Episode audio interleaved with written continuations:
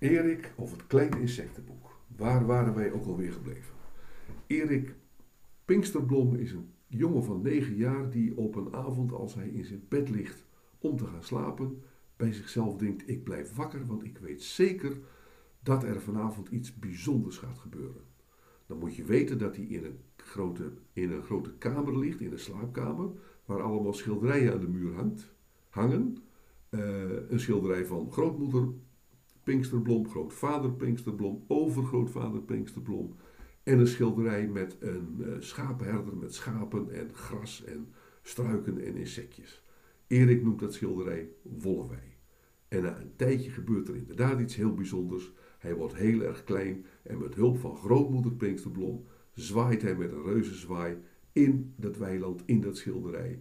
En komt daar de familie Wesp tegen. De vliesvleugeltjes. De vliesvleugeltjes is een hele deftige familie die allemaal hele rare dingen zeggen, zoals is men het, dan is men het. En is men het niet, dan is men het ook niet. En wordt men het ook niet. We gaan nu verder. Uh, Erik en de familie uh, van Vliesvleugel gaan aan het diner. Erik had al een tijdje tijdens het gesprek het gerinkel van borden en messen en het haastige gefluister van stemmen gehoord. En toen hij binnentrad, begreep hij dat er evenveel werk van hem werd gemaakt als die avond thuis voor minister Popeling, toen die een keer bij hem kwam eten. De hele dag had zijn moeder toen met Annetje en Wannetje door het huis gedraafd. En tegen vijf uur was er nog een kok bijgekomen met een witte muts op zijn hoofd. De wonderlijkste gerechten waren er op Eriks bordje gelegd. Maar het meest verbaasd was hij geweest toen moeder zich langs hem heen had gebogen en gezegd had: U begrijpt wel, excellentie, het is maar een eenvoudig hapje, nietwaar? Maar moeder, had hij toen zacht, maar heel goed hoorbaar gezegd: U hebt er de hele dag over gedaan. Er was toen een vreselijke stilte gevallen en hij moest een week lang vroeg naar bed. Hij paste deze keer dan ook goed op toen mevrouw van Vliesvleugel tot hem zei: U moet het maar nemen zoals het valt, meneer Pinksterblom. Het gaat bij ons altijd heel huiselijk toe. Natuurlijk, natuurlijk, verzekerde Erik. Alles hoogst eenvoudig, voegde de gastheer er aan toe met een gebaar over de stampvolle tafel. Dat zie ik, verzekerde Erik ijverig. Minder, minder kan het al niet. Hij gaf alle dochters die in een rijtje om de tafel stonden een hand en zei telkens: Erik, waarop zij met een fijne beweging de onderpunt van hun vleugels tussen duim en wijsvinger namen en een reverence maakten. Dat is, dat is een soort buiging waarbij je licht door één knie gaat, weet je wel, als je voor de koning doet. Aardige meisjes, hè? fluisterde vader, die hem begeleidde. Jazeker, mompelde Erik. Schalk, sprak de wesp, hem zacht in de zijde porrend. Schaf uit. Erik werd rood en wist niet meer hoe hij kijken moest. Maar gelukkig had niemand het gemerkt. Hij kreeg een ereplaats tussen de gastvrouw en haar oudste dochter en recht tegenover de heer P. Dit laatste was wel de allergrootste eer die men hem bewijzen kon, want de heer P. was een van de rijkste wespen in de omtrek, zwijgzaam van aard en enigszins jichtig in zijn achterpoot. Hij had in het algemeen een hekel aan nieuwigheden. Men wist niet precies wat hij vroeger had gedaan. En we wisten ook niet precies wat hij nou deed. En we wisten ook helemaal niet wat hij later ging doen. En daarom noemde men hem maar eenvoudig, maar met eerbied, meneer P. Juist deze dagen was meneer P. gelogeerd bij de, uh, vliesvleugeltjes. En deed hij niets anders dan s morgens opstaan, het hoofd schudden en s'avonds weer naar bed gaan. Kortom, hij was een persoon van gewicht. En ook Erik voelde dit toen hij zag hoe de grote man zijn servet vastknoopte en hem daarbij onafgebroken aankeek. Pardon? vroeg hij toen Erik, hem, toen Erik zich aan hem voorstelde. Erik, herhaalde Erik met een nieuwe buiging. Men noemt mij ook wel Eertje. Ja, wat is het nu? vroeg meneer P. Over Erik heen kijkend naar de andere kant van de zaal. Is het nou Erik? Of is het Eertje? Of is het Erik Eertje? Of Erik Eertje? Of, Erik, of Eertje Erik? Wat is het nou? Of is het helemaal niks van het alles? Hij glimlachte bij de verwarring die deze zienswijze veroorzaakte. Het is Erik Pinksterblom, herstelde de gastheer. Kamerlid. Een anno? vroeg meneer P., zijn soeplepel lepel halverwege naar de mond brengend. Een anno, zei de gastheer. Meneer P. bracht nu zijn lepel helemaal aan zijn mond, maar hij was toch niet helemaal tevreden, leek het. En gedurende het helemaal bleef hij Erik zijdelings aankijken en schudde af en toe twijfelend het hoofd. Prettig was dit wel niet, maar de aanblik van de overvolle tafel vergoedde veel. Grote goudgele honingraden werden als wafels op zijn bordje gelegd. En ze roken zo heerlijk dat Erik alle moeite had om niet in zijn handen te klappen. Hij deed oprecht zijn best om, net als alle anderen, onverschillig door te praten, maar het lukte blijkbaar maar half. Want meneer P. zei opeens: Zit u niet te wiebelen, meneer, en gedraagt u zich een beetje als een wesp?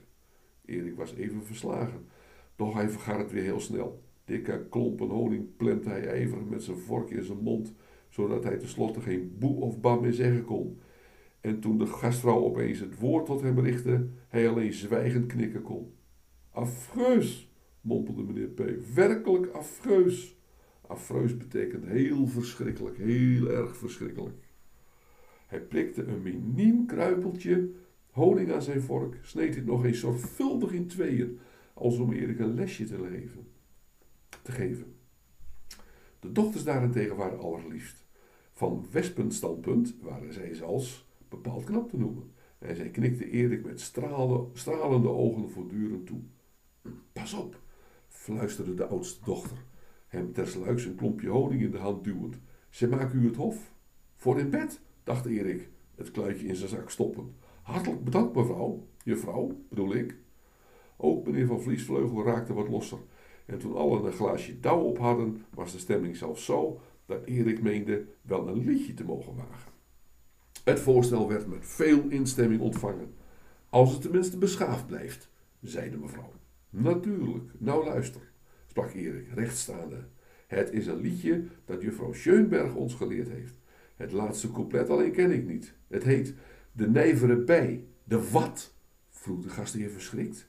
De nijvere bij, herhaalde Erik. Luistert u maar. De nijvere bij. Wie kent niet de nijvere bij? De nijvere, nijvere bij. Hij maakt ons toch allen met honing zo blij. Met heerlijke honing zo blij. En zo misschien iemand, misschien ook wel gij, nog iets nijverder weet dan de nijver bij, komt, zeg het mij. Dus dartele knaap en schalkse schaf uit, trek voor uw plezier dit nijvere dier de beentjes niet uit. Er komt nog een stuk aan, zei Erik hijgend, want hij had het liedje vol vuur gezongen. Maar u hebt nu tenminste een indruk hoezeer wij, mensen, de bijen hoog schatten. Hij keek rond om de toejuichingen van de familie in ontvangst te nemen. Maar tot zijn grote ontsteltenis volgde er een diep, diep stilzwijgen. Iedereen keek op zijn bordje neer en meneer P. stond zelfs op en ging de kamer uit. Meneer Pinksterblom, sprak mevrouw van Vliesvleugel na enige stilte. Ik geloof dat uw goede bedoelingen boven alle twijfel verheven zijn. Maar u hebt ons allemaal pijnlijk getroffen.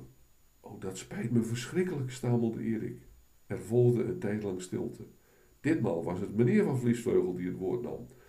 U hebt een loflied gezongen, meneer Pinksterblom, op de tak van de familie waar ik al eerder een keer op zin speelde. De liesheuveltjes?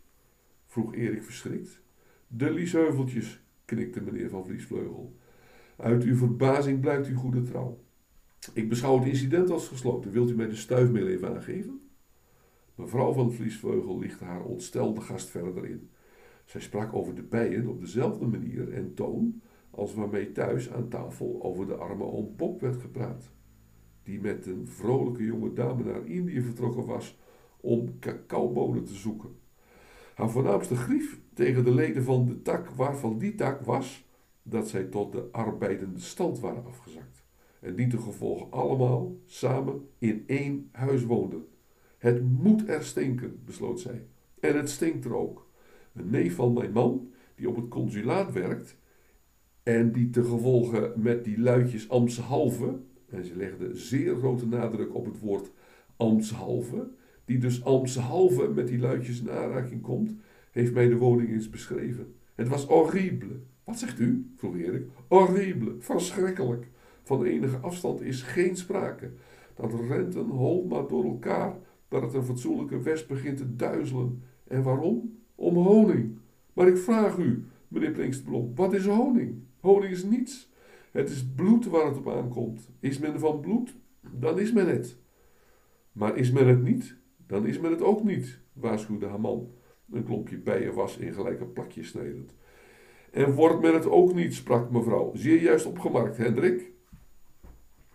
Nu is het feit dat men honing verzamelt, meneer Pinksterblom, alleen om het te hebben, alleen om zoveel mogelijk op te potten, reeds erg genoeg. Maar onze familie zou bereid geweest zijn om daar overheen te stappen. Iedereen moet tenslotte zelf weten wat hij verzamelt. Zo verzamel ik bijvoorbeeld, begon meneer van Vriesveugel. Hou je mond, Hendrik, onderbrak mevrouw, en val me niet steeds in de reden. Waar was ik ook alweer, meneer Pinksterblom? U was aan het oppotten, hielp Erik. Oh juist, ja. Zoals ik dus zei, dat zij oppotten moeten zij tenslotte zelf weten. Ik bemoei mij daar niet mee. En ik wil mij daar ook niet mee bemoeien. Maar dat zij oppotten in commissie, meneer Pinksterblom, is onvergeeflijk. In wat? vroeg Erik. In commissie. Zij werken voor een ander. Wij kennen die connecties niet. Wij wensen die connecties ook niet te kennen. Maar een feit is dat de honing, die zij gedurende een hele zomer in slaafse arbeid verzameld hebben, in de herfst door die connecties wordt weggehaald.